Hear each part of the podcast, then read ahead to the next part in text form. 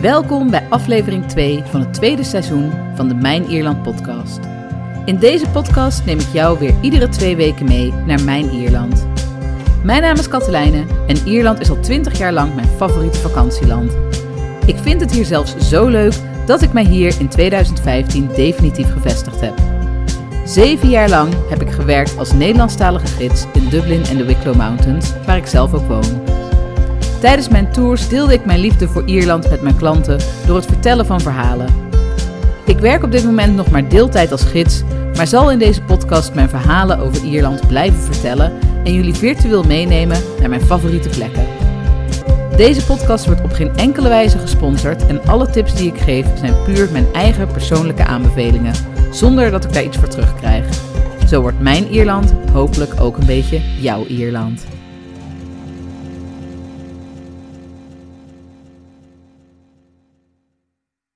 Vandaag neem ik jullie mee naar het deel van het Ierse eiland dat niet bij de Ierse Republiek hoort, maar bij het Verenigd Koninkrijk, Noord-Ierland. Er is in Noord-Ierland zoveel te doen en er valt zoveel over te vertellen dat ik heb besloten om hier twee afleveringen van te maken. Vandaag heb ik het over het gebied rond Belfast en in de volgende aflevering neem ik jullie mee langs de Noord-Ierse kust naar Derry. Maar laten we beginnen met een korte geschiedenisles. Waarom hoort dit deel van het eiland eigenlijk niet bij de Republiek? Ik zal dit zo simpel mogelijk proberen uit te leggen, maar zoals met veel gebeurtenissen uit de geschiedenis is het in werkelijkheid veel gecompliceerder en genuanceerder. Maar ik wil jullie niet vermoeien met een podcast die drie dagen duurt, dus vandaar dat jullie de uitgeklede kort door de bocht versie krijgen. Tot 1922 was Ierland verenigd en hoorde het hele eiland bij Groot-Brittannië. In de 17e eeuw kwamen er veel protestante Engelsen en Schotten in het noordelijke deel van Ierland wonen. Dit zorgde ervoor dat de graafschappen Armagh, Down, Antrim, Derry, Londonderry, Tyrone en Fermanagh voor het grootste gedeelte uit Britten bestonden. Na ruim 700 jaar een Britse kolonie te zijn geweest, werd Ierland in 1922 een Ierse vrijstaat. Dit was een resultaat van de welbekende paasopstand, waar ik het in het vorige seizoen van deze podcast over gehad heb, en de daaropvolgende War of Independence. In 1921 kwam er na veel geweld een wapenstilstand tussen Groot-Brittannië en Ierland. Een Ierse delegatie onder leiding van Michael Collins ging naar Londen om namens Ierland te onderhandelen over de voorwaarden. Hun doel was het krijgen van een onafhankelijke Ierse republiek, maar de Britten hadden andere plannen. Zij kwamen met het Verdrag voor de Ierse Vrijstaat, de Anglo-Irish Treaty. Hierbij zou Ierland een eigen bestuur krijgen, maar moest het nog steeds trouw zweren aan de Britse monarchie. Bovendien zouden de zes noordelijke graafschappen bij Groot-Brittannië blijven horen. Om een nieuwe oorlog met Groot-Brittannië te voorkomen is de treaty toch ondertekend, in de hoop dat dit een eerste stap zou zijn naar een volledig onafhankelijk Ierland. Uiteindelijk werd de Ierse Vrijstaat een volledig onafhankelijke republiek, maar Noord-Ierland hoort tot op de dag van vandaag bij het Verenigd Koninkrijk. Die grens zorgde voor onvrede bij een groot deel van de katholieke bevolking, die in Noord-Ierland in de minderheid waren. Zij identificeerden zich als Ier en vonden dat Ierland verenigd moest blijven. Sindsdien is er in Noord-Ierland veel onrust geweest tussen de katholieke Ieren, die zichzelf republikeinen of nationalisten noemen, en de protestante Britten, die zich identificeren als unionisten of loyalisten. Dit resulteerde in de jaren 60 van de vorige eeuw in de Troubles, een 30 jaar lange strijd met heel veel aanslagen en geweld. In die tijd hadden de katholieken in Noord-Ierland last van veel werkloosheid, te weinig huisvesting en discriminatie door de protestante meerderheid. Als reactie hierop ontstond de North Ireland Civil Rights Association. Zij voerde campagne voor burgerrechten en meer gelijkheid tussen katholieken en protestanten.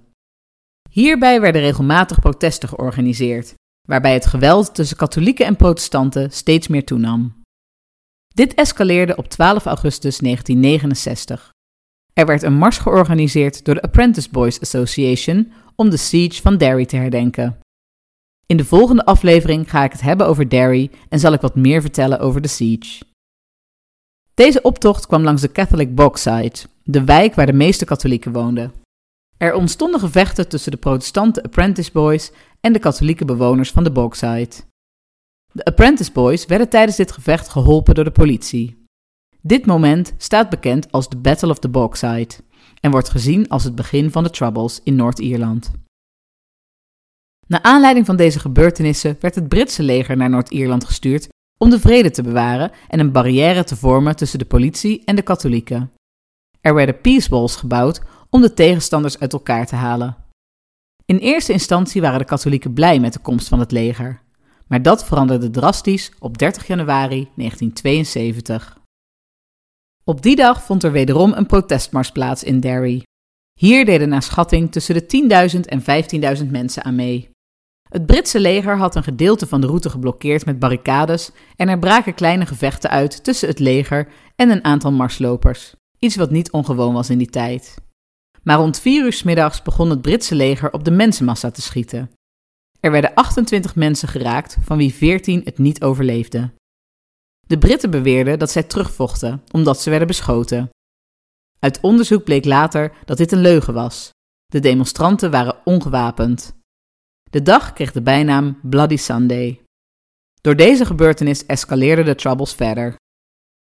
Tijdens de Troubles werd er drie decennia lang gevochten tussen Britse Unionisten en Ierse Republikeinen. We hebben het vaak over de strijd tussen protestanten en katholieken.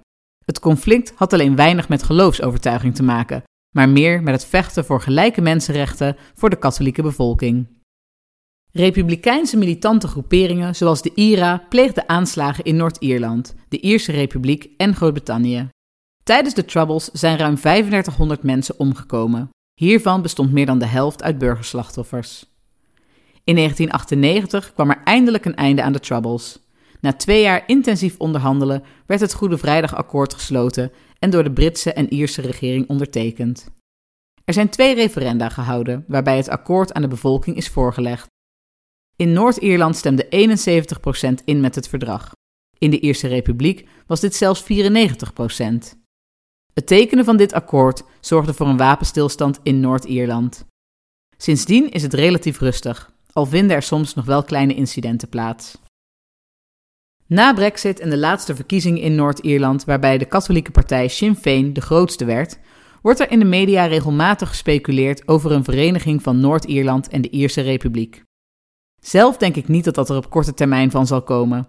Zoals ik net al zei, gebeurtenissen uit de geschiedenis zijn in werkelijkheid veel gecompliceerder en genuanceerder dan je op het eerste gezicht denkt. Vanwege de Troubles werd Noord-Ierland lange tijd gemeden door toeristen. Gelukkig kun je hier tegenwoordig met een gerust hart naartoe. Nog steeds is er wel eens wat onrust, maar meestal vindt dit plaats in de wijken waar je als toerist niet zo snel komt. Het is verstandig om de actuele berichtgeving over eventuele oproer in de gaten te houden en je reisplannen hierop aan te passen, mocht dit nodig zijn.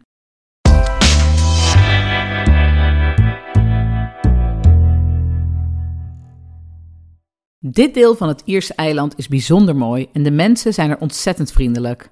Het is veelzijdig en afwisselend en er is genoeg te doen om je hier een volledige vakantie te vermaken. Mijn tip is dan ook om voor Noord-Ierland echt de tijd te nemen. Mocht je te weinig tijd hebben tijdens je rondreis door Ierland, kom dan nog een keer terug om Noord-Ierland apart te bezoeken. Als ik vanuit mijn woonplaats in Wicklow naar Noord-Ierland rij, ga ik net na Dundalk de grens over en kom ik bijna direct uit in het gebied waar de Mourne Mountains liggen. Dat is een prachtig ruig berggebied. Het is het thuis van de hoogste berg van Noord-Ierland, Slieve Donard.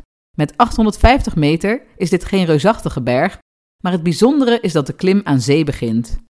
De wandeling naar de top begint rustig met een lichte stijging, maar het laatste stuk is behoorlijk steil.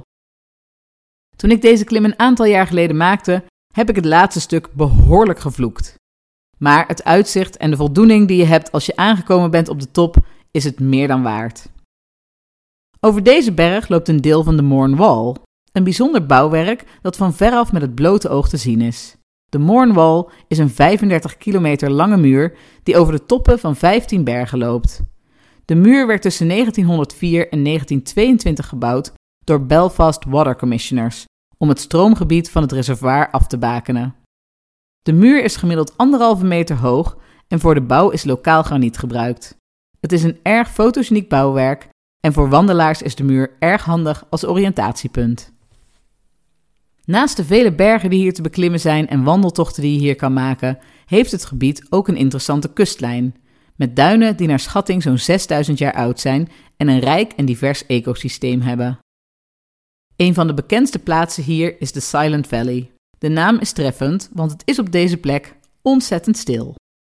In de Silent Valley ligt het Silent Valley Reservoir. Dit is een waterreservoir dat Belfast en omgeving van water voorziet. De vallei heeft meerdere wandelroutes, maar ook als je niet actief wil doen, kun je hier prima terecht. Er is een café waar je heerlijk kunt vertoeven terwijl je geniet van de mooie omgeving. Kleine vogels scheren vlak boven het water heen en weer op jacht naar eten. En het uitzicht bestaat uit een aantal steile bergtoppen. Mijn favoriete plek in de Mourne Mountains is het Tollymore Forest Park. Het is daar net of je door een sprookjesbos wandelt, waar elk moment een prins op een wit paard achter de bomen tevoorschijn kan komen. De ligging van het bos aan de rivier en de lichtinval door de bladeren geven deze plek iets magisch. Op bepaalde plekken zijn de rotsen rondom de rivier heel hoog en lijkt het water door een kloof te stromen. Even verderop is datzelfde water juist weer een kabbelend beekje langs een bospad. De 18e-eeuwse bruggen maken het geheel af. Een verborgen pareltje midden in de Mourne Mountains. Tollymore Forest Park is net als veel andere locaties in Noord-Ierland gebruikt als filmlocatie voor de populaire serie Game of Thrones. Ben je fan? Google dan naar de vele locaties en speciale Game of Thrones tours die georganiseerd worden.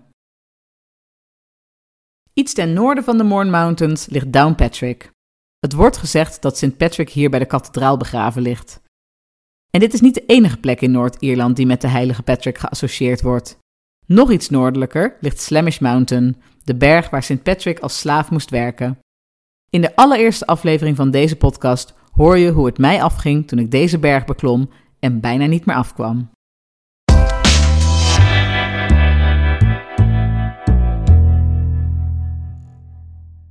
Vanaf Downpatrick is het ongeveer nog drie kwartier rijden naar Belfast. Dit is de grootste stad van Noord-Ierland en na Dublin de grootste stad van het Ierse eiland. Een goede manier om in korte tijd zoveel mogelijk van de stad te zien is meegaan met een Black Taxi Tour. Je wordt dan in een zwarte taxi rondgereden van bezienswaardigheid naar bezienswaardigheid en een lokale gids vertelt ondertussen over de stad. Een van de grootste toeristische trekpleisters van de stad is het moderne Titanic Museum, want hier is het beroemde schip gebouwd. Hoewel de Titanic tijdens haar eerste reis zonk, is Belfast ontzettend trots op het schip. Want, zoals de locals zeggen, toen ze Belfast verliet, was ze in opperbeste staat. Het museum ligt op de oude scheepswerf waar de Titanic is gebouwd. Het gebouw is een architectonisch meesterwerk en bestaat uit 3000 aluminiumplaten die met elkaar de vorm van een schip hebben. De lokale bevolking ziet er meer een ijsberg in en hebben het gebouw daarom de bijnaam The Iceberg gegeven. Het museum is groot en uitgebreid en het bestaat uit negen afdelingen. Je kunt hier met gemak meerdere uren doorbrengen. Wie in de stijl van de Titanic wil overnachten, kan aan de overkant terecht. Daar ligt het prachtige Titanic Hotel, waar je ook heel erg lekker kan eten. Over lekker eten gesproken, daar heb je in Belfast geen gebrek aan. De stad barst van de leuke restaurants en cafés. Veel van deze zaakjes zijn te vinden in de wijk Cathedral Quarter, rondom de St. Anne's Cathedral. Een andere goede plek om lekker te eten en te drinken is de St. George Market. Op deze plek wordt al sinds 1604 een markt georganiseerd. Sinds het einde van de 19e eeuw staat het huidige gebouw er en is de markt overdekt. Wat er te koop is, hangt af van de dag. Op vrijdag is er een variety market, dan worden er vooral fruit, groente, vis, antiek, boeken en kleding verkocht. De zaterdag is gereserveerd voor de food and craft market. Dan kun je genieten van de meest uiteenlopende gerechten terwijl je snuffelt tussen de vele kunststalletjes. En de Sunday market is een combinatie van het aanbod van vrijdag en zaterdag. Qua eten kun je ervoor van alles en nog wat terecht. Van zoete taartjes en cupcakes tot paella en hamburgers. Er worden zelfs Nederlandse poffertjes verkocht. De markt is ontzettend populair bij de lokale bevolking en het loont om in de langste rij te gaan staan, want daar is vaak het lekkerste eten te krijgen. Voor een pint kun je terecht in de Crown Liquor Saloon. Dit is een van de mooiste pubs van Belfast. Zowel de gevel als het interieur zijn nog origineel uit Victoriaanse tijd. De prachtig gedecoreerde bar zou niet misstaan in een museum. Het café heeft vele snugs waar je in een met houten panelen afgeschermd hokje in alle privacy je drankje kunt nuttigen. Tegenover de Crown ligt het Europa Hotel. Dit is het meest gebombardeerde hotel ter wereld. Tijdens de Troubles werden hier maar liefst 29 aanslagen gepleegd. De reden dat juist dit hotel onder vuur werd genomen waren de vele journalisten die hier verbleven. De aanslagplegers waren daardoor zeker van veel aandacht in de pers. Toen de Amerikaanse president Bill Clinton in 1995 naar Belfast kwam, bleef hij in het Europa Hotel slapen. Dit deed hij bewust om een statement te maken en te laten zien dat hij zich niet liet intimideren door geweld. Vandaag de dag is van dat geweld niet veel meer te merken in het centrum van Belfast. Wie verhalen uit die tijd wil horen, moet in West-Belfast zijn. Daar worden twee wijken nog steeds van elkaar gescheiden door peace walls. Peace walls zijn muren die tijdens de Troubles tussen katholieke en protestante wijken zijn gebouwd om geweld tussen beide kanten tegen te gaan. De eerste muren werden in 1969 gebouwd en sindsdien zijn ze steeds verder uitgebreid. Het was bedoeld als tijdelijke oplossing, maar een groot deel van deze muren staat nog steeds overeind. De muren staan door heel Noord-Ierland, maar het grootste deel van de Peace Walls vind je in Belfast. Hier hebben de muren een totale lengte van maar liefst 21 kilometer. Het bekendste stuk muur ligt tussen de katholieke straat Falls Road en de protestante straat Shankill Road. De muren zijn rijkelijk versierd met graffiti. De schilderingen vertellen de verhalen uit de geschiedenis. Tussen de muren zijn inmiddels poorten gemaakt, zodat er vrij verkeer mogelijk is tussen beide wijken.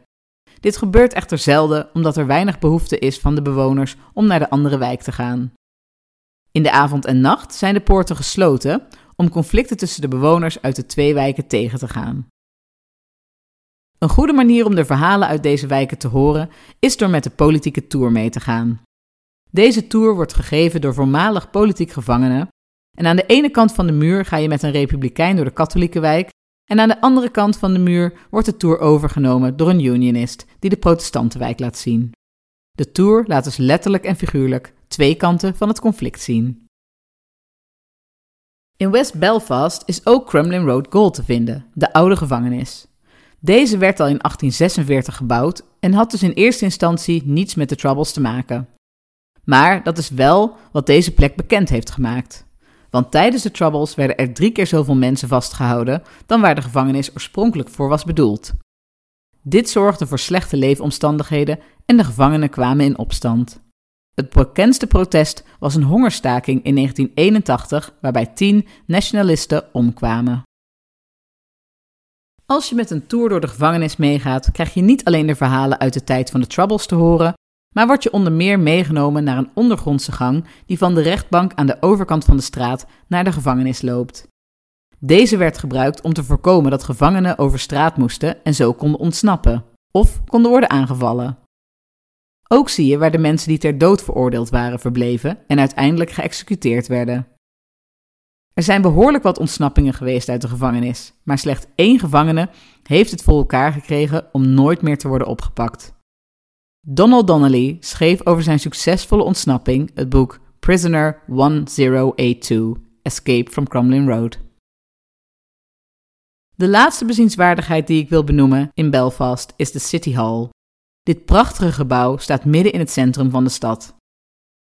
In 1888 kreeg Belfast stadsrechten van Queen Victoria en naar aanleiding daarvan werd het imposante stadhuis gebouwd.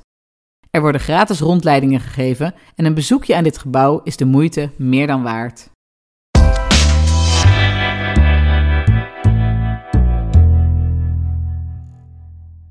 Wil je de stad uit, maar toch in de buurt van Belfast blijven, dan raad ik aan om de bergen rondom de stad te verkennen. Je vindt er prachtige natuur, kunt Belfast Castle bezoeken en je hebt prachtig uitzicht over de stad. Of breng een bezoek aan het Gobbins Cliff Path, slechts een half uur van Belfast vandaan. Dit pad werd in 1902 aangelegd als recreatief wandelpad. In die tijd liepen vrouwen in petticoat en mannen in pakken over het smalle pad, vlak langs de zee. Het was een plek om te ontspannen en om te socializen met anderen. In deze tijd voldoet de constructie uit begin 1900 natuurlijk niet meer en in 2015 is er een nieuw wandelpad geopend. Reserveren is hier noodzakelijk, want je mag alleen onder begeleiding van een gids het pad op. Je moet goede schoenen aantrekken en krijgt een helm op. De veiligheidsbriefing die je van tevoren krijgt klinkt heel heftig, maar maak je geen zorgen. Een wandeling over de Gobbins is niet gevaarlijk en erg leuk. Het wandelpad is niet vlak, maar voor iedereen met een normale conditie goed te doen. Het pad is soms smal en oneffen, maar er staat de hele route een hek langs de rand. Het wordt dus nooit eng. Over het water zijn brugconstructies gemaakt die bezoekers veilig naar de andere kant brengen. Je moet alleen geen ernstige claustrofobie hebben, want halverwege de wandeling ga je door een grot heen. Als je vanuit Belfast naar het noorden rijdt, kom je vrijwel meteen door het plaatsje Carrickfergus.